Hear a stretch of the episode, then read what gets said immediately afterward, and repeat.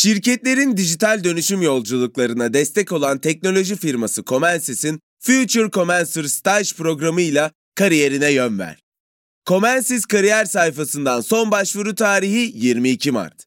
Açıklamalardaki linkten hemen başvur, tutkunu uzmanlığa dönüştür. Salus online terapinin yanında size özel ücretsiz içerik planıyla kişiselleştirilmiş bir deneyim sunuyor. Siz de nefes ve farkındalık çalışmaları, meditasyonlar ve çeşitli egzersizlerden faydalanabilirsiniz. Değişim ve gelişim sürecinde hem fiziksel hem de mental sağlığınızı destekleyebilirsiniz. Kendi en iyinizi yaratmak için Salus uygulamasını indirin. Başlangıç 10 koduyla %10 indirimli kullanın.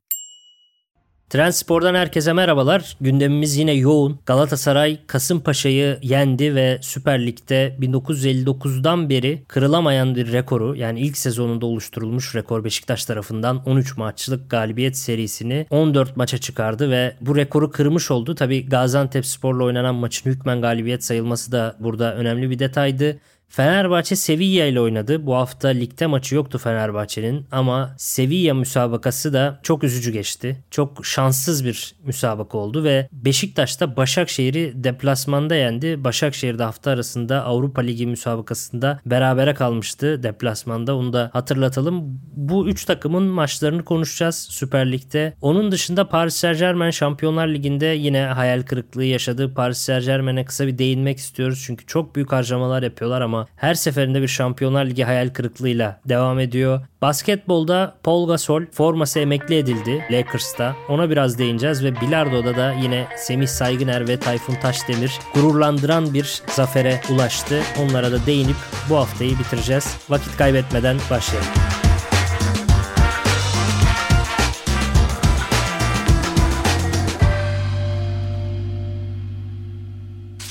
Olcan selamlar. Nasılsın? Selam abi iyiyim. Sen nasılsın? İyiyim ben de teşekkür ediyorum. Hangisiyle başlamak istersin? Fenerbahçe mi, Galatasaray mı, Beşiktaş mı? Abi senin hatırına Galatasaray'la başlayalım. Önce lig maçlarını bir bitirelim. Sonra şu an Sevilla maçı daha yakın ya. En son onu konuşuruz. Yavaştan sonraki konulara geçiş yaparız. Peki nasıl istersen. Galatasaray Kasımpaşa ile oynadı ve 1-0'lık galibiyet aldı. Rekoru da kırdı. Yeni transferi Zaniolo da galibiyet golünü attı. Ama çok da tatmin etmeyen bir maç oldu Galatasaraylıları. 1-0'lık galibiyet. Biraz da bu galibiyetlere alıştıkları için herhalde çok tatmin olmadılar. Ben şahsen oldum yani. İyi bir savunma maçıydı bence. Galatasaray evet goller bulamadı. Çok net fırsatlar bulamadı belki. Ama hiç de pozisyon vermedi son dakikadaki frikik ve karambol pozisyona kadar. O yüzden bence çok fena sayılmayacak bir maç maçtı. Tabii ki tatmin olmayanları anlıyorum ama bence normal bir maçtı. Sen ne dersin? Yani şöyle, bunu galiba biraz Selçuk Hoca istedi diyebiliriz. Oyuncu tercihleri ve taktiksel yaklaşımı sadece Galatasaray'ı durdurmaya yönelikti. Tabii Galatasaray tarafında da şöyle bir gerçek var. Yani maç ritmi hakikaten çok önemli bir şey. Özellikle bizim ligde ve günümüz futbolunda da zaten keza böyle. Zaten mesela Galatasaray rakip olan takımların Galatasaray'ın serisinin bitmesini çok yakın bir dönemde bekliyor. Bekleme sebebi de tamamen şu. Hatırlarsın pandemiden sonra oynanan süreçte Galatasaray bence ara verildiği için o şampiyonluğu kaybetmişti. E bu kadar galibiyet serilerinin üst üste geldiği bir dönemde oyun olarak, maç temposu olarak bu kadar ara vermek eksi yazacak diye düşünülüyordu. Evet bence eksi yazmış gibi gözüktü ne kadar Selçuk Hoca'nın burada taktiksel yaklaşımına ve oyun anlayışına atıfta bulunsak da. Galatasaray'da da ben açıkçası bu oyununda hafif geri gitmeyi bir noktasından da buna bağlıyorum açıkçası. Ama tabii bireysel performansların çok öne çıktığını söylemem gerekiyor. Mesela zaten ben normalde çok seviyor ve beğeniyorum ama Sergio Oliveira hakikaten şaka gibi bir maç geçirdi. Normalde çift 6 ile oynayan bir Kasımpaşa merkezine Oliveira'nın fiziğinin biraz daha ne bileyim diğer oyunculara göre daha güçsüz kalacağını düşünürsün falan ama çok çok dikkat çekici istatistiklerde de maçı bitirdi zaten. Galatasaray'ın en çok top çalan oyuncusu 16 yanlış hatırlamıyorsam 16 ikili mücadelenin 10'unu kazandı. Zaten hücumların da yaratıcılık beklendiği bir numaralı oyuncusuydu ki galiba Nelson'dan sonra en çok olacak şekilde 109 ya da 110 kez topla buluşmuş olması gerekiyor. Hakikaten çok çok iyi bir maç çıkardı. Kasımpaşa tarafında ben senin tweetini gördüm ama orada zıt düşündüğüm bir konu var. Sen hani Hayradinoviç'i Sasha Boy bağlantısını kesmek için sol kenarda değerlendirdiğini söyledin ki basın toplantısında da sanırım zaten bu söylenmiş Selçuk Hoca tarafından. Ama bu aynı zamanda eğer Kasımpaşa çift altı ile çıkıp rakibini olabildiğince geride karşılamak istiyorsa bu hücuma çıkacağı zamanlarda da bir geçiş oyunu kovalaması gerektiğini gösteren bir yaklaşım oluyor. Ama siz Münir Çuya yerine Hayradinoviç'i sol kenarda değerlendirdiğiniz zaman bence Münir'i geçiş oyununda kenarda değerlendirmek Hayradinoviç'i değerlendirmektense çok daha işine yarardı bence Kasımpaşa'nın. En azından yaklaşık 90 dakikayı bu kadar geride ve hücumda pasif bir şekilde kabul etmezdi. Yani boyu bağlantısını yine merkezdeki oyuncularını kaydırarak bir şekilde bozabilirdin ama bu bence inanılmaz sekteye uğrattı Kasımpaşa hücumlarını. Bunun da şeyini merak ettim. Yani hücumda aksiyonlarını nereden kullandılar? Zaten nadir olan aksiyonlarını. Baktım sol kanadı sadece %25 ile kullanmış hücum aksiyonlarında Kasımpaşa.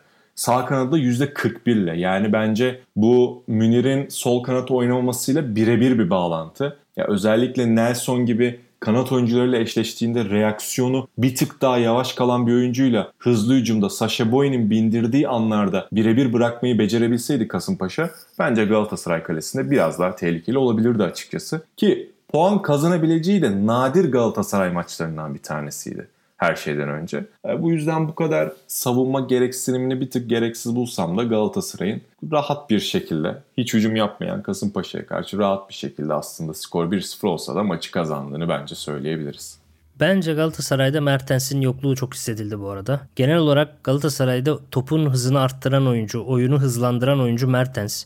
Mertens'in en önemli olayı bence çok hızlı düşünmek ve onun oynadığı takımlar hızlı oynuyor. Napoli de onun sayesinde bence bir tık daha hızlı oynuyordu. Bu seneki Galatasaray'da geçen senelere göre daha hızlı oynayabilmesi Mertens'in daha hızlı düşünebilmesiyle olan bir şey. Ve bu maç dikkat et geçen haftalardaki Galatasaray'a göre daha yavaş bir Galatasaray hücumu görüyoruz. O yavaşlık da bence hem pozisyon sayısını azalttı hem de skor sayısını azalttı. Galatasaray'ın bir gol attığı az maç hatırlıyoruz son dönemde. Bir golde kaldı. Hep böyle dörtler beşler. Galatasaray'da alıştık hazırlık maçlarında işte ligde de ikileri üçleri buluyordu Galatasaray. Burada tek golde kaldı haftalar sonra oldu. Bence orada mertensizlik var. İkinci konu istersen Selçuk Hoca'nın söylediği Hayredinovic konusuna bir dinleyelim sonra devam edelim. Bugün Haris'i solda oynatmamın nedeni aslında Galatasaray takdir ederseniz ki ligin neredeyse en çok hücum pozisyonuna giren takımı. Hücum varyasyonları çok geniş bir takım. Kenardan da gelebiliyorlar, merkezden de çoğalabiliyorlar. Buradaki benim ilk amacım aslında Galatasaray'ı bir şekilde durdurmaktı. Bence bunda çok başarılı olduk. E, yetenekli oyuncularımızdan biri Münir. Münir'i de aslında topu kaptıktan sonraki bölümde kullanmakta amacım.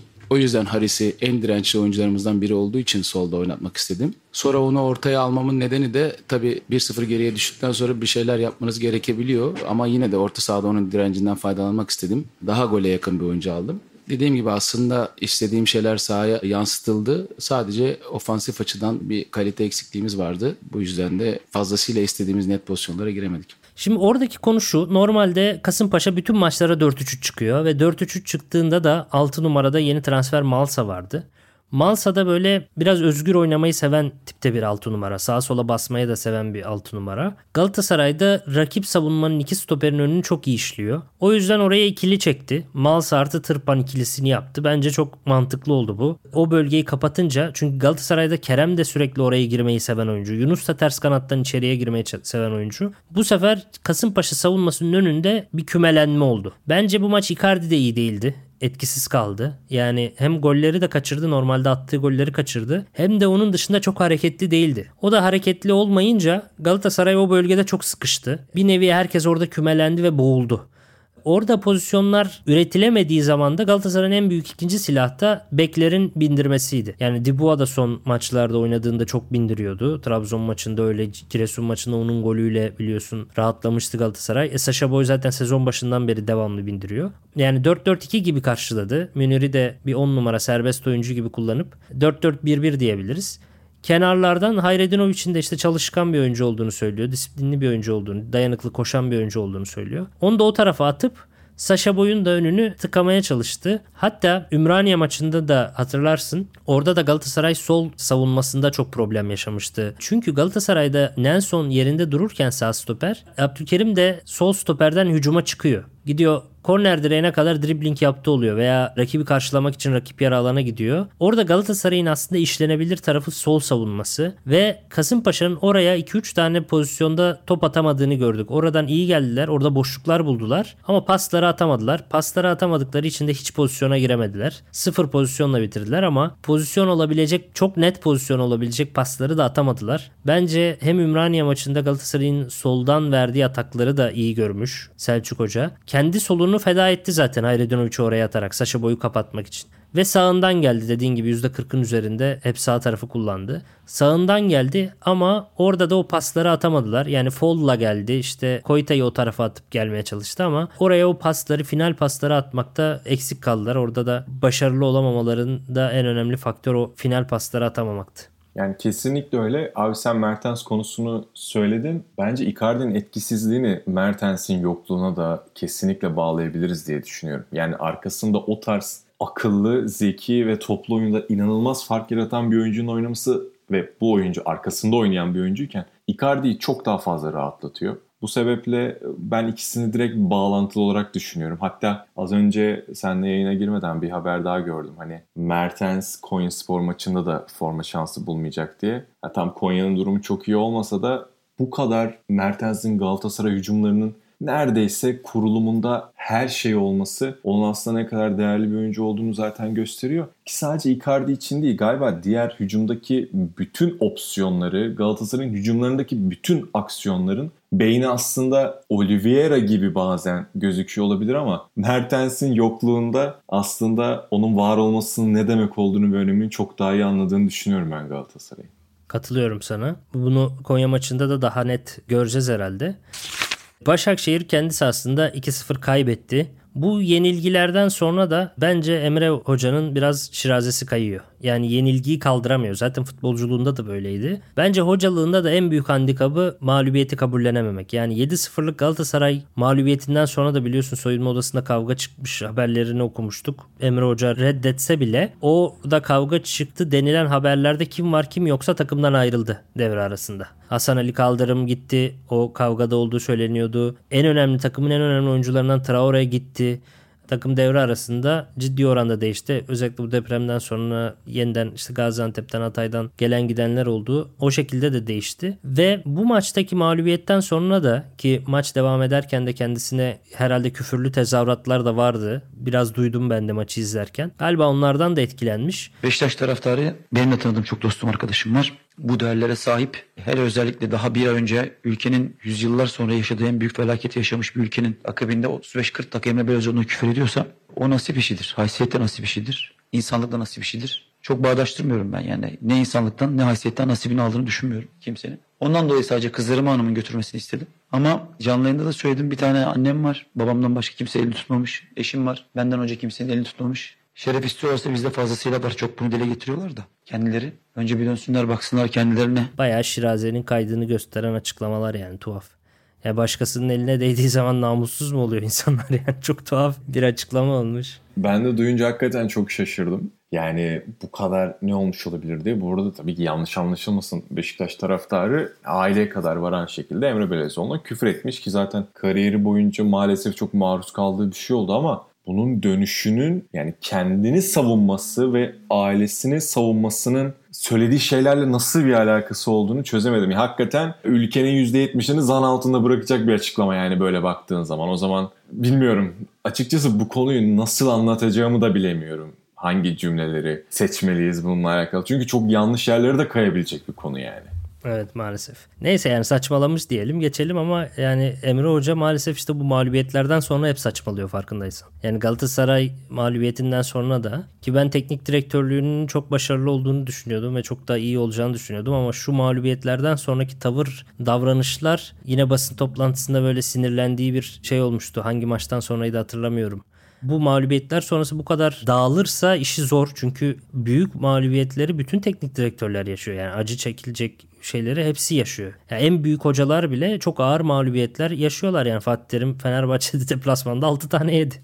Chelsea'den 5 tane yedi. UEFA kupasını aldı sonrasında. Yani hepsinden e, bizzat kendi hocası işte Fatih Hoca da. Bütün büyük hocalardan bu konuda bir bakması lazım yani. Herkes acı mağlubiyet yaşar. Bunlarda bu kadar dağılmaması lazım diye düşünüyorum. Onun dışında maçla ilgili olarak da ben Beşiktaş'ın galibiyetini çok düşünüyordum. İddia oynamıyorum da hani oynasaydım kesin Beşiktaş derdim. Çünkü hem Beşiktaş geçen haftaki programda da söylemiştim. Beşiktaş bence bundan sonra ardarda galibiyetler alabilir, daha iyi olur demiştim. Çünkü hem kendini göstermek isteyen oyuncular transfer etti. Hem kafa olarak da rahat durumdalar. E, hem hırslı olunca hem de kafada rahat olunca galibiyetler geliyor bence. Burada bir de Başakşehir'i şu yüzden Beşiktaş galibiyetini çok yakın görüyordum. Başakşehir Perşembe akşamı Gent'le oynamıştı Avrupa Ligi'nde.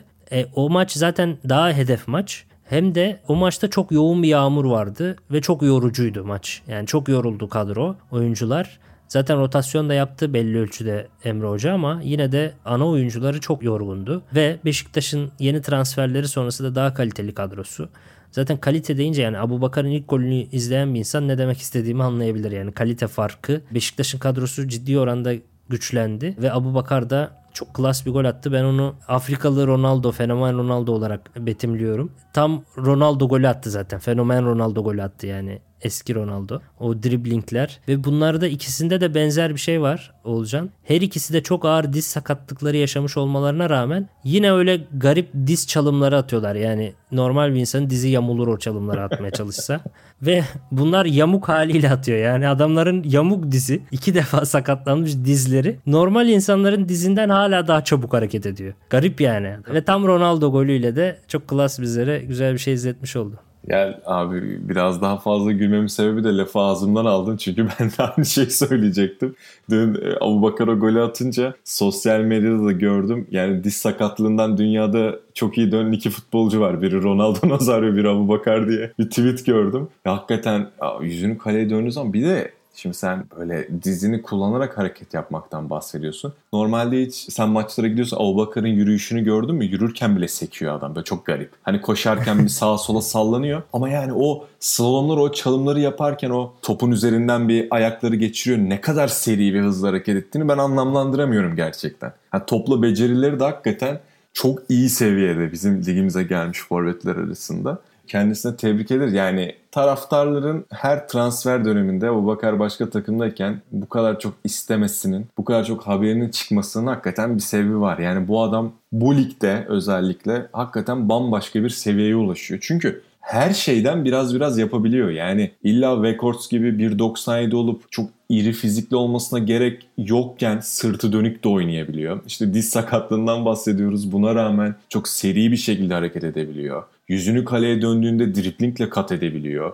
E, bitiricilik desen zaten sürekli köşelere çok acayip vuruşları var. Ve spektaküler goller atıyor çoğu zaman baktığın zaman. Ya bu Bakar'ı hakikaten çok ayrı bir noktaya koyuyorum burada. Beşiktaş'a gelince de ya açıkçası ben Beşiktaş'ı çok beğenmedim. Hatta Şenol Güneş'in bazı tercihlerini de anlamlandıramadım. Yani rakibiniz 35. dakikada eksik kalıyorken bu kadar topu almamak ve hala geçiş hücumu kovalamak çok garip geldi bana açıkçası. Mesela ben Maxim hamlesini 70. dakikadan çok daha önce beklerdim. Yani orada olası bir değişiklikle devre arasında direkt Maxim'i forvet arkasına koyup topa biraz daha sahip olmayı tercih edebilirdim. Bu yüzden bazı hamlelerin çok geç geldiğini ve Beşiktaş'ın o yaklaşık 60-65 dakika fazla oynamasını hiç hissettiremediğini düşünüyorum ben Başakşehir'e baktığın zaman. Ama Beşiktaş'ın galiba yeni transferleri de sonrasında topa sahip olmaktan ziyade biraz daha geçiş hücumunu ön plana koyan bir takım görüntüsü sergileyeceğini görebiliyoruz. Aslında bence topu da çok değerli kullanabilecek oyuncuları da kadrosuna kattı. Hele stoper attığın Roman sayısı tekrardan adapte edebilirlerse yani bu topu kullanacak Maxim'i, Salih'i, Hadzi Ahmetoviç'i Gelirse eğer Raşit Gezal, Onur Bulut toplu oyunda çok değerli bir oyuncu. Masuaku toplu oyunda çok değerli bir oyuncu. İleride duvar olabilecek Abubakar gibi bir forvetiniz varken Beşiktaş'ın neden bu kadar toptan çekindiğini, topu ayağında tutmaktan çekindiğini hakikaten anlayamıyorum. Hatta bir tık daha ileri gideyim. Kalenizde de ligin herhalde ayağı en iyi kalecilerinden bir tanesi var. Yani topu aldığınız zaman vermemek üzerine bir oyunu hakikaten oynayabilirsiniz. Kimler kimler bu ligde öyle takıntılı bir şekilde pas oyununu oynamaya çalışıyor. Siz düşünün zaten. Ama açıkçası farka gidebileceği, bazı hamleler yapsa farka gidebileceği bir maçı Şenol Güneş hakikaten yani neredeyse hiç dominant bir oyun oynayamadan bitirdi gözüyle yorumluyorum ben. Bilmiyorum sen katılır mısın? Evet ama şey daha garantici gidiyor. Masuaku demişken bu arada Masuaku da çok güzel bir gol attı ve aslında o da bir yeni transfer gibi oldu. Yani Şenol Hoca gelmeden önce berbat oynuyordu Masuaku. O Hatay deplasmanındaki mağlubiyette falan o kadar reaktif, o kadar bıkkın gözüküyordu ki şu anki hali bayağı şaşırtıcı bir değişim içerisinde. Mesela Rozi'ye o dönüşümü yapamadı. Tekrar kendisini maçlara veremedi ve Onur transfer edildi zaten. Onur da gayet iyi başladı. Ama Masuaku kendiliğinden o şeye döndü. Kafa olarak kendisini verdi. Aslında Şenol Hoca'nın ilk basın toplantısını hatırladığımız zaman orada beklenti içinde olduğu oyunculardan verim alamadığını görüyoruz. Mesela Muleka ve genç oyunculardan Azerbaycanlı olan Berkay'dan bahsetmişti. Mesela ondan beklentisi olduğunu onları da onu da çok oynatmadı. Semih'i daha çok oynatıyor gençlerden de. Ve ilk geldiği zaman umudu kesmiş olduğu Masuaku da birden mesela şey oldu onun için. Devamlı 11 oyuncusu haline geldi. Biraz beklentisinin dışında işliyor bence. Ama bu transfer dönemini iyi geçirdiklerini düşünüyorum ben ve iyi bir kadroları var dediğin gibi. Gelecek haftalarda da kazanmalarını bekliyorum. Kalecilerle ilgili de bahsetmişken ben Emre Hoca'nın gelecek teknik direktörlüğündeki bir handikapının daha da şu olduğunu düşünüyorum. Bence çok fazla abicilik belasına bulaşmış durumda bizim ligdeki. Yani kulüplerde belli bir hiyerarşi düzeyi oluyor oyuncular arasında ve bu bence Başakşehir'de çok fazla var. Ve Emre Belezoğlu da bunu çok kullanıyor. Şuradan söyleyeceğim. Sezonun ilk yarısında Volkan Babacan çok eksik kaldı. Birçok büyük maçta onun yetersiz kaldığını gördük. Refleksleri çok düşmüş bir oyuncu bence. Kalitesi belli bir standartın oldukça altında kalıyor bana sorarsan. Ve biliyorsun Gaziantep'ten Günay ayrıldı. Günay da 2-3 yıldır coşuyor. Ve Kasımpaşa transfer etti Günay'ı. Başakşehir pekala istese alırdı. Günay da Başakşehir'e giderdi. Birinci kaleci olsa mesela Avrupa'da oynuyor vesaire. Koşa koşa giderdi Günay. Tercih etmedi. Çünkü Volkan Babacan'ın ağırlığı daha yüksek. Yine Sevilla'da Dimitrovic'i kullandı yedek kalecisi. Bono'nun yedeği. Ve bence Fenerbahçe maçındaki en kritik performanslardan bir tanesi. Yani 2-3 tane pozisyon var. Bir tane Valencia'nın kafayı vurmasını engelliyor. Orada kafayı vursa Valencia atıyor. İlk yarıdaki bu pozisyon. Rossi'nin ikinci yarıda bir pozisyonu var. Ara pası hemen çıkıyor. Rossi'nin ayağından topu alıyor. Vuruş izni vermiyor. Müthiş bir alan hakimiyeti vardı Dimitrovic'te. Ve Sevilla'nın yedek kalecisi. Büyük ihtimalle Volkan Babacan'dan falan daha az para alıyor. Yani bu tip transferleri bizim ligde maalesef kaleci kalitesi çok düşük. Ve transferleri hep biz forvete yapıyoruz. Savunmaya, stopere ve kaleciye çok az para harcıyoruz. Bence mesela böyle iyi bir kaleci hem Başakşehir'in 5-10 puan daha yüksekte olmasını sağlayabilirdi. Hem de Avrupa'daki yolculuğunda da çok belirleyici olurdu. Ama Volkan'la devam etmeyi düşünüyor Emre Hoca. Orada da ben yanlış bir tutum sergilediğini düşünüyorum. Burada küçük bir ara verelim bölümümüze. Döndüğümüzde kaldığımız yerden devam edeceğiz. Alanında lider teknoloji şirketi Comensis, mühendislik, tasarım, ürün geliştirme, test mühendisliği ve bulut gibi alanlarda staj yapmak üzere 3. ve 4. sınıf öğrencilerini arıyor. 8 Temmuz'da başlayacak ve 6 hafta sürecek programa Comensis kariyer sayfasından son başvuru tarihi ise 22 Mart. Future Comensir ile akademik bilgilerini uygulamalı deneyimlerle pekiştir, tutkunu uzmanlığa dönüştür. Salus uygulamasında klinik psikologların yanında online görüşme yapabileceğiniz farklı uzmanlar da var. Çocuk gelişim uzmanı, diyetisyen veya fizyoterapist. Bu sayede değişen ihtiyaçlarınıza uygun beslenme, egzersiz ve sağlıklı yaşam rutinleri oluşturabilirsiniz. Salus uygulamasını indirin ve başlangıç 10 koduyla %10 indirimden yararlanın. Detaylar açıklamalarda ve salusmental.com'da. İstersen buradan Sevilla'ya geçelim. Geçelim abi. Ya ben önce açıkçası bir seni dinlemek isterim. Sen nasıl yorumluyorsun o maçı? Çünkü ben hakikaten not defterimi maçla alakalı bol bol doldurduğumu söyleyebilirim. Sen izlemiş miydin bilmiyorum. Kanalda çektiğim analiz videosunda söylediklerim böyle kulaklarımda yankılana yankılana izledim maçı. Hakikaten her detayıyla tam aslında beklediğimiz gibi bir maç oldu diyebilirim. Ama beni üzen noktası şu. Yani ben naçizane 26 yaşında böyle futbolu, sporu çok seven ve e, analizler yapan, işte rakipleri izleyen normal bir spor severim. Her şey bu kadar barizken Fenerbahçe'nin çıkardığı 11'i hiçbir şekilde anlayamadığımı söyleyerek pas sana vermek isterim. Yani Jesus bunu nasıl görmedi Çok pardon biraz uzattım. Yani tamam ilk yarıda zaten muazzam bir oyun vardı. Bu evet ama o muazzam oyun ikinci yarıda devam ettirecek ana unsurlardan biri. Zaten bence ilk 11'deki tercihlerin doğru yapılmasıyla bağlantılı olabilirdi. Valla ben Jesus'un kendi takımının gücüne çok fazla inanmadığını düşünüyorum artık. Çünkü bu takım aslında belki Galatasaray bu kadar işte 60 yıllık 63 yıllık rekoru kırmasa zaten lider ligde. Yani Galatasaray çok marjinal oynadığı için ikinci sırada kalmış bir durumda Fenerbahçe. E, Avrupa Ligi'nde grubundan lider çıkmış durumda Fenerbahçe. Ve tarihinde bir kez olan 103 gollü rekoru kırıp kıramayacağı tartışılan bir Fenerbahçe ve hücum gücünden bahsediyoruz. Valencia'sı her hafta gol atıyor. Gol krallığında açık farklı lider. Ve bu takımın hücum gücüne maalesef Jorge Jesus inanmıyor gibi. Yani kendi yarattığı güce kendi yeterince inanmıyormuş gibi geliyor bana ve bütün büyük maçlarda üçlü savunmaya dönüyor ve her seferinde bu üçlü savunma zaten ofanstan bir adam eksiltip savunma yapılan bir hamle ve tam o süreci işletiyor. Belki daha az gol yemeni sağlıyor, daha az pozisyon vermeni sağlıyor dörtlü savunmalara göre ama hepsinde hücumda girdiğin pozisyonların iki kat daha hızına giriyorsun. Attığın gollerin iki kat daha hızına atıyorsun. Yani savunmada artı bir güçlendiriyor ama hücumunu eksi iki zayıflatıyor. Yani faydası zararından çok daha az oluyor. Ve Trabzon maçı, Beşiktaş maçı, Galatasaray maçı bu maç Gol atamıyorsun ya. Sıfır golle bitirdin bu maçların tamamını. Ve en nihayetinde de bir tane yiyorsun ve kırılıyorsun. Yani Trabzon'dan bir tane yedin son dakika iki oldu. Sevilla'dan bir tane yedin aynı dakikalar bak dikkat et 60'lar gibi yiyorsun bir tane. E sonlarda bir tane daha yiyorsun 2. Galatasaray'dan yedin bir tane bir bire getiremedin yine son 15 dakika 2'yi yiyorsun. Çünkü takım kırılıyor bir yerden sonra. Çünkü hücum yaratıcılığın da o kadar iyi değil. Beşiktaş'a da atamadın. Bunu niye ben defalarca bu ezberi yapmanın sebebini bir türlü çözemiyorum. Ve Sevilla 6 tane yemiş Atletico Madrid'den çok demoralize çıktılar. İlk yarı sürklese etmemiz çok ortada yani zaten hani demoralizeler. İlk yarı biz bir tane atsaydık bence farka da gidilebilirdi. Yani devamı gelirdi.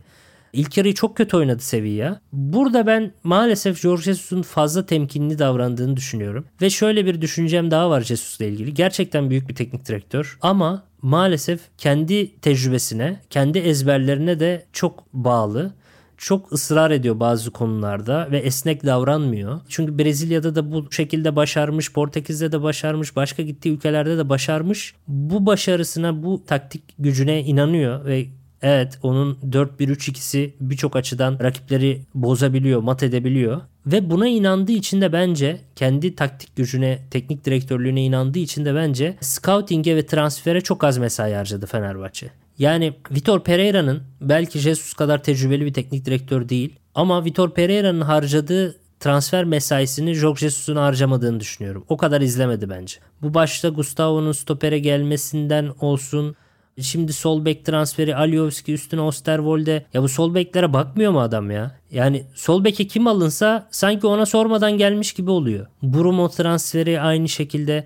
Yani kendine bence çok inanıyor. Ya zaten ben oynatırım diyor. Ve getirin yani transfere çok fazla odaklanmadı bence. Ve belli ezberler aynı o üçlü savunmanın hücum gücünü düşürmesi gibi Ferdi Osay Samuel hamleleri de her maçta olumsuz sonuç vermiş olmasına rağmen yine yaptı. Yani Trabzon maçında biliyorsun Osay Samuel Trezeguet eşleşti. Onun arkasına atılan topta gol gelmişti. Şimdi de Acuna tam formunu yakalamış. Sevilla'da ikinci yarıda oradan güçlü geliyor. Zaten en iyi oyuncularından bir tanesi Acuna Sevilla'nın. Ve çok atlet, güçlü bir oyuncu. Hızlı, çabuk bir oyuncu. Onun karşısında ona karşılık verebilen Ferdi varken onu çıkardı. Sola attı Ferdi. Osayi oraya koydu ve oradan yine ikinci golü yedik. Galatasaray maçında da Osayi sağ taraftaydı. Onun kaçırdığı gol bence maçın en kritik anıydı. Orada 1-1 gelmedi 60. dakikalar gibiydi Galatasaray maçında. O sayı kaçırdı. Sonra Galatasaray tekrar ikinciyi buldu. Maçı bitirdi. Bence orada mesela o pozisyon gol olsa 1-1 olsa o derbi bambaşka yere gidebilirdi. Ve yani Osterwolde transferi de yapılmış. Ferdi yerinde durup sol bek Osterwolde de geçebilirken böyle bir Ferdi'yi de bozan tuhaf bir değişiklik. Devamında oradan yenen ikinci gol çok kötü bir mağlubiyet oldu maalesef.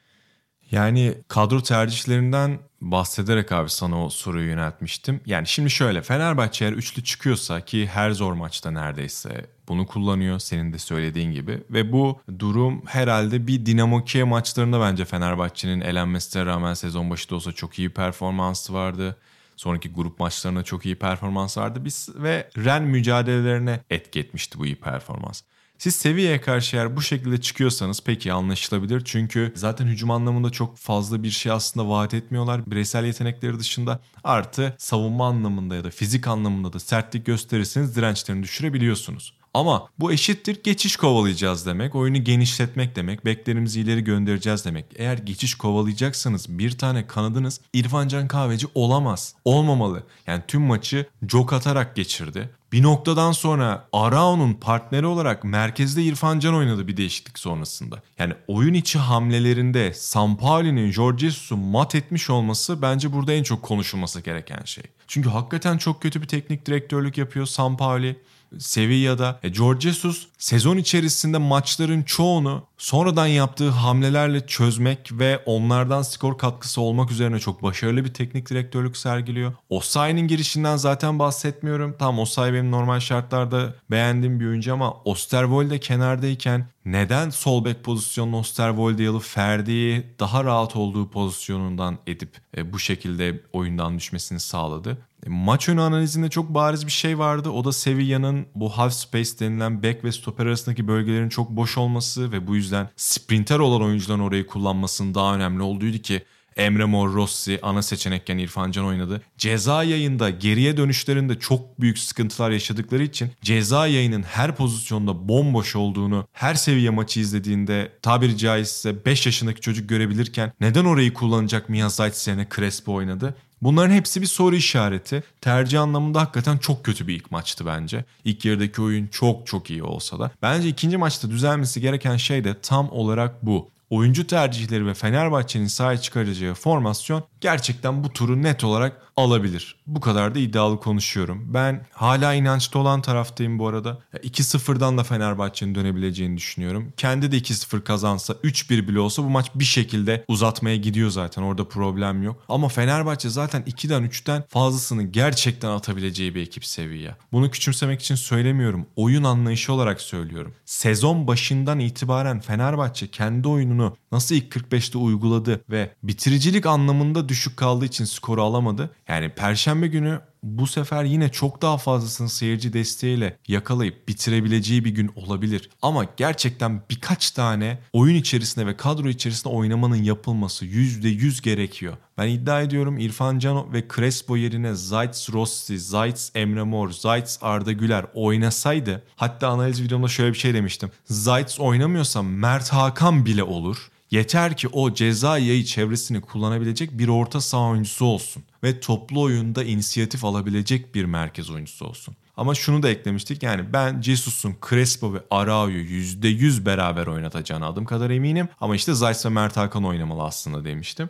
Ve maalesef gerçek çıktı bu düşüncelerimiz. Keşke gerçek çıkmasaydı. Hakikaten daha net tercihlerle ve ilk yarıdaki bitiricilik performansı da bir tık yukarıda olsaydı eğer Fenerbahçe'nin hakikaten senin de dediğin gibi farka gidebileceği bir mücadele olacaktı. Ama işte ikinci maç artık ilk maçtaki hataların tamamen giderilmesi gereken bir mücadele. Fenerbahçe türbünlerinin devreye gireceği bir mücadele. Ya aslında iki tarafı da çok tartışılır. Çünkü şöyle es kaza Fenerbahçe'nin bu maçı 3-1 kazanacağı varsa bile Sevilla'nın bir gol atması direkt eşittir. Maalesef Fenerbahçe özelinde bir tribün homurdanması demek. Bu çok eksi yazacak bir durum. O yüzden George Jesus saha içerisindeki tercihler, oyuncular ve taraftarın bir bütünlük sergileyerek bu turu alması gerektiğini düşünüyorum. Ve ne olursa olsun skor ben hala Fenerbahçe'nin bu turu geçebileceğine inanıyorum. Bunu da söylemiş olayım. Biraz da Şampiyonlar Ligi'ne değinelim. Paris Saint Germain Bayern Münih'e elendi acı bir şekilde.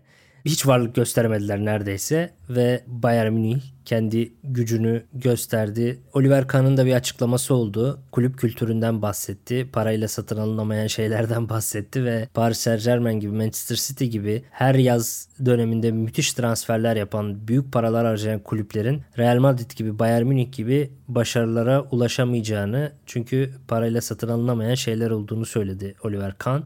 Paris Saint Germain'le ilgili de gerçekten yıllardır harcanan paralar, denenen teknik direktörler, gelen oyuncular, işte İbrahimovic'lerle başladı. En son Messi'lere kadar yani kimleri kimleri aldılar ve yine de bu son 16 turlarını bir türlü geçemiyorlar. Sen kısaca bize bir özet geç istersen. Bunu kültür dışında mesela neye bağlayabiliriz burada emin olamıyorum biliyor musun? Yani çünkü sen de söyledin İbrahimovic'den başladı. En son artık dünyanın belki de gelmiş geçmiş en iyi oyuncusunu da getirerek bir hedef doğrultusunda yola çıkıldı ama olmuyor. Yani bilmiyorum kadroları uygun teknik direktörle mi buluşturamıyorlar? Çünkü tamam son 7 sezonda 5 kere son 16 turunu geçememesinden bahsediyoruz. Bir tane arada final var. Orada da yine Bayern Münih'e kaybedilen bir maç var. O da 19-20 sezonunda. Yani oyun anlamında desen diğer takımlar nasıl bu turu geçiyor? PSG'nin ben yani hatırladığım kadarıyla en azından son 2-3 seneyi çok net hatırlıyorum bu sene haricinde konuşuyorum. Öyle çok çok kötü oyunlarla elendiği turlarda değildi baktığın zaman. Ama hakikaten özellikle ben bu Real Madrid'in Şampiyonlar Ligi'ni kazanması ve bunu bir seriye bağlaması. Az önce Sevilla'dan bahsettik. UEFA tarafında da Sevilla için geçerli. Bir noktadan sonra hakikaten bu işin bir kültür, bu işin bir alışılmışlık olduğunu, formanın bile bir şekilde bir noktadan sonra rahat oynadığını düşünüyorum.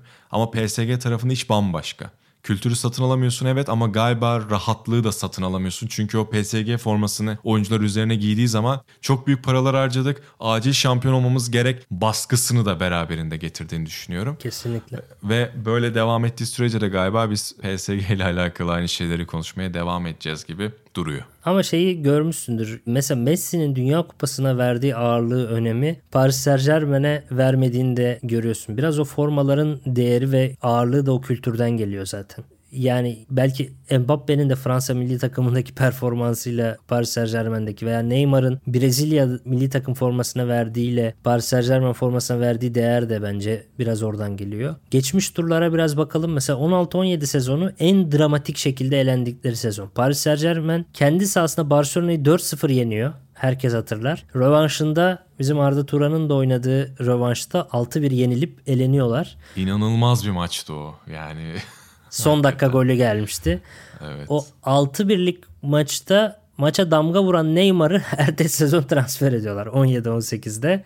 Mbappe'yi de transfer ediyorlar 17-18'de ve bu kez de Real Madrid'e yani Barcelona'nın ezeli rakibi. Bu kez de Real Madrid'e son 6 turunda eleniyorlar. Sonra Emery'i gönderiyorlar. Tuhel'i getiriyorlar 18-19 sezonunda. Bu kez yine son 16'da Manchester United'a eleniyorlar ki Manchester United hani Sir Alex Ferguson'dan beri ne kadar düşmüş ama yine de Manchester United yine de bir kültür var yani o kulüp kültürü, büyük kulüp kültürü yine Paris Saint Germain'i eliyor o formanın ağırlığı. 19-20 sezonunda finalde Bayern Münih'e kaybediyorlar. Bu en başarılı oldukları sezon. Onu da Tuchel'le birlikte başarıyorlar. Hakkını verelim. 2020-21 sezonunda Manchester City'ye kaybediyorlar. 21-22 sezonunda bu sefer Messi de geliyor, Sergio Ramos da geliyor. Hani bu kadar büyük isimler yine Real Madrid'e son 16 turunda kaybediyorlar ve bu sene de Bayern Münih'e Şampiyonlar Ligi'nde kaybettiler son 16 turunda. Ben ikisini anlıyorum bu arada. Real Madrid'e kaybedilenleri anlayabilirim abi. Ama ya mesela Manchester City'ye kaybedilen anlayamam. Çünkü iki tane kültürsüzün kapışması baktığın zaman. Hani orada daha çok parayı harcayan kazanmış gibi bir durum var sanki. Doğrudur. Yani garip. Yalnız Paris Saint Germain mi daha çok harcamıştır Manchester City mi? Abi Mbappe ve Neymar çok transfer rekoru kıracak bedeller olduğu için muhtemelen Paris Saint Germain olabilir ya. Evet. Ama Biraz hoş, orada- çok pardon lafını kestim. City'nin sadece savunma hattına harcadığı biz 200 milyonlardan bahsediyoruz da böyle bir şey de var. Ama ben orada yine de bir teknik direktör farkı olduğunu düşünüyorum. O turu bence Pep Guardiola farkından dolayı aldı. Tabii. Ben her zaman futbolcuya değil de teknik direktöre para harcanması gerektiğinden yanayım. Teknik direktörün katkısının daha yüksek olduğunu. Neymar'a 222 vermektense Pep Guardiola'yı getirdim. Ben Paris Saint Germain'in başına büyük para verilip alınması gerektiğini düşünüyordum. Orada bence City daha mutluysa son yıllarından bence gerçi onlar da Şampiyonlar Ligi şampiyonu olamadı ama lig başarıları ve daha fazla hani finaller daha fazla yukarılara oynadılar. O yüzden ben orada bir teknik direktör başarısı olduğunu düşünüyorum açıkçası. Tabii şey de Paris Saint Germain de lig şampiyonu oluyor denebilir şimdi burada ama Fransa'da şampiyon olmakla Premier Lig'de şampiyon olmak arasında çok fark var tabii ki. Tabii. Galatasaray'a geçmeden şu soruyu yönelteceğim sana. Emre Belezoğlu dün açıklamasında demiş ki Mourinho'da olsanız Guardiola'da olsanız oyuncular bu işin %80'i diye bir yorum var. Şimdi sen az önce ben işte Messi, Neymar, Mbappe atıyorum onlar yerine Guardiola'yı getirirdim dedin ya. Senin için yüzde kaç? Sen Emre Hoca'ya katılıyor musun? Çünkü bu mantıkla Messi, Neymar, Mbappe'si olanın her yıl net olarak kupayı alması gerekiyor. Ama öyle olmadığını görüyoruz. Ben kısa vadede %80'in de üzerine geçebilir oyuncu farkı kısa vadede. Ama uzun vadede teknik direktör katkısının çok fazla olduğunu düşünüyorum. Teknik direktör %50'den fazla olabiliyor.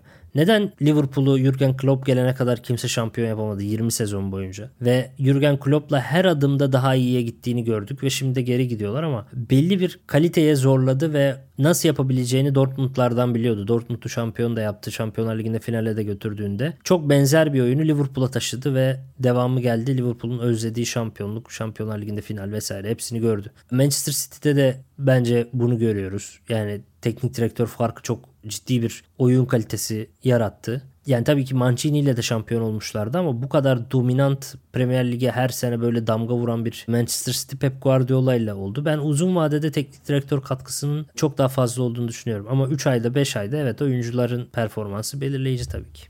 Ben de sana katılıyorum. Çok paralel düşünüyorum. O zaman biraz basketbola geçelim. Benim sevdiğim bir branş biliyorsun. Ve sevdiğim basketbolculardan biri Pau Gasol'ün forması Lakers tarafından emekli edildi. Hakikaten e, izleme fırsatın olduğunu bilmiyorum ama çok da duygusal bir törendi. As a as a kid growing up in Spain, I had a dream. I wanted to become a basketball player, play in the NBA. I never in a million years could think that a day like this could come. Such a huge honor being amongst those great individuals in this amazing franchise. So it just tells you that you know just never set any limitations to your what you can do, what you can achieve. Just put in the work, push yourself every day, be the best that you can be. As we know, Mamba mentality.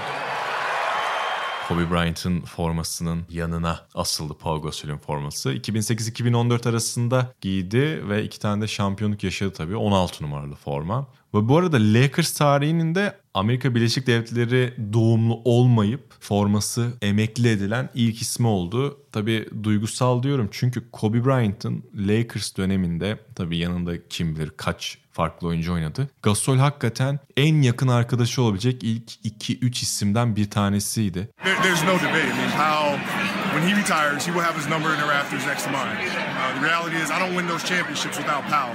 The city of LA doesn't have those two championships without Powell. So we know that. Everybody knows that. And I really look forward to the day where he's there giving his speech at, at center court in front of all the fans who have supported him over the years. So it's going to be awesome night. Bu yüzden onlar için duygu yoğunluğu çok çok farklıydı. Hatta Vanessa Bryant, Kobe Bryant'ın eşi de bu veda töreninde vardı. Ve Gasol e, Kobe'den bahsederken de zaten gözyaşlarına hakim olamadı. Tabii seninle bir tık sohbet ettik abi. Sen Gasol'ü benden çok daha önce hatırlıyorsun. Tabii benden çok daha büyük ve yaşlı olduğun için olabilir. Maalesef. Ya şöyle ben basketbolu 2000'li yılların başlarında izliyordum. Özellikle NBA'yi de ve Türkiye'de düzenlenen Avrupa Şampiyonası'nda böyle neredeyse bütün maçlarını pür dikkat izliyordum ve Türkiye'deki Avrupa Şampiyonası döneminde Paul Gasol en merak edilen oyunculardan bir tanesiydi. Çünkü Avrupa'dan işte NBA'ye gitti galiba o yaz gitti.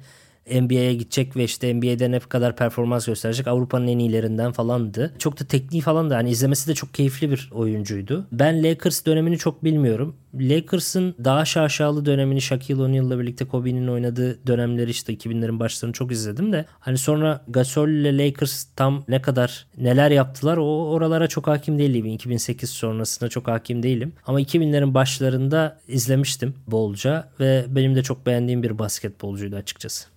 E, ben böyle şütör 4 numaraları hakikaten çok severim. Bir de Gasol çok çok akıllı, çok zeki bir oyuncuydu. Hatta kariyerinin son döneminde Euroleague'e gelmesi beni bayağı mutlu etmişti tabii. Çok yani çok iyi bir performans sergiledi. Ayaklar basketbolda ayakların gitmediğini futbola göre daha çok hissediyorsun abi. Çünkü sürekli bir aktiflik var. Sürekli mesafe tabii ki futbola göre çok daha kısa ama o kat etmen gereken yer sürekli aynı. Yani bir forvet oyuncusu gibi ileride bekleyeyim de hücum dönünce tekrardan depar atarımlık bir durum olmadığı için yaşlandıkça zaafların daha çok meydana çıkıyor. Maalesef Gasol öyle oldu. Kardeşi vardı Mark Gasol. 5 numara mıydı o da? Mark Gasol 5 numaraydı evet. Evet, daha uzun şey bir oyuncuydu. O devam ediyor mu? Devam ediyor da şöyle NBA'de devam etmiyor. O da ülkesine döndü. Bunlar aslında bu arada şey 3 kardeşler. Bir de diğerinin adı da Adria Gasol olması lazım. Adria Gasol o da aslında UCLA'de falan hani Amerikan en iyi kolejlerinden birinde oynamasına rağmen topçu olamadı.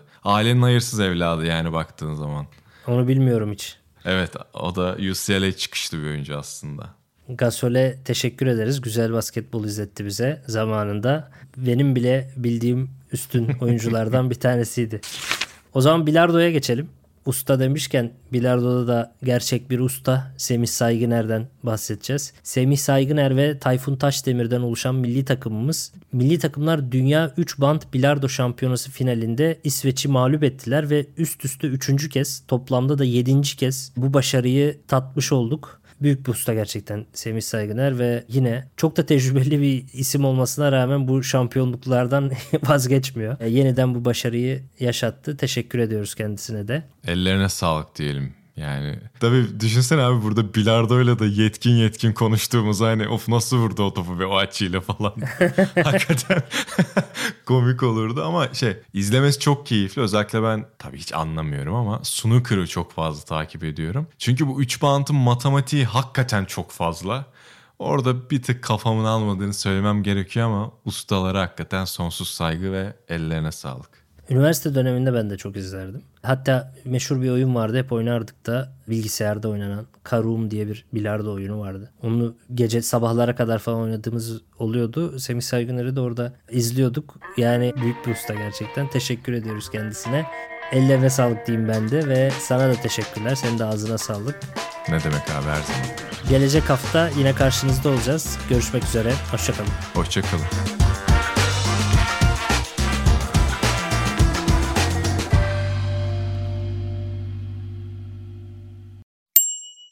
Future Commencer staj programı ile kariyerine yön ver.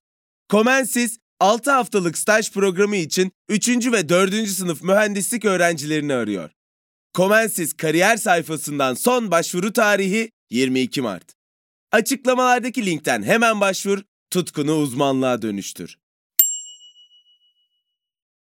Salus yetkin psikologları ile terapiyi her yerden ulaşılabilir kılmaya devam ediyor. Yaşam tarzı değişiklikleri, adaptasyon sorunları, yalnızlıkla başa çıkma gibi konularda online terapi desteği için Salus uygulamasını indirin. Başlangıç 10 koduyla %10 indirimli kullanın.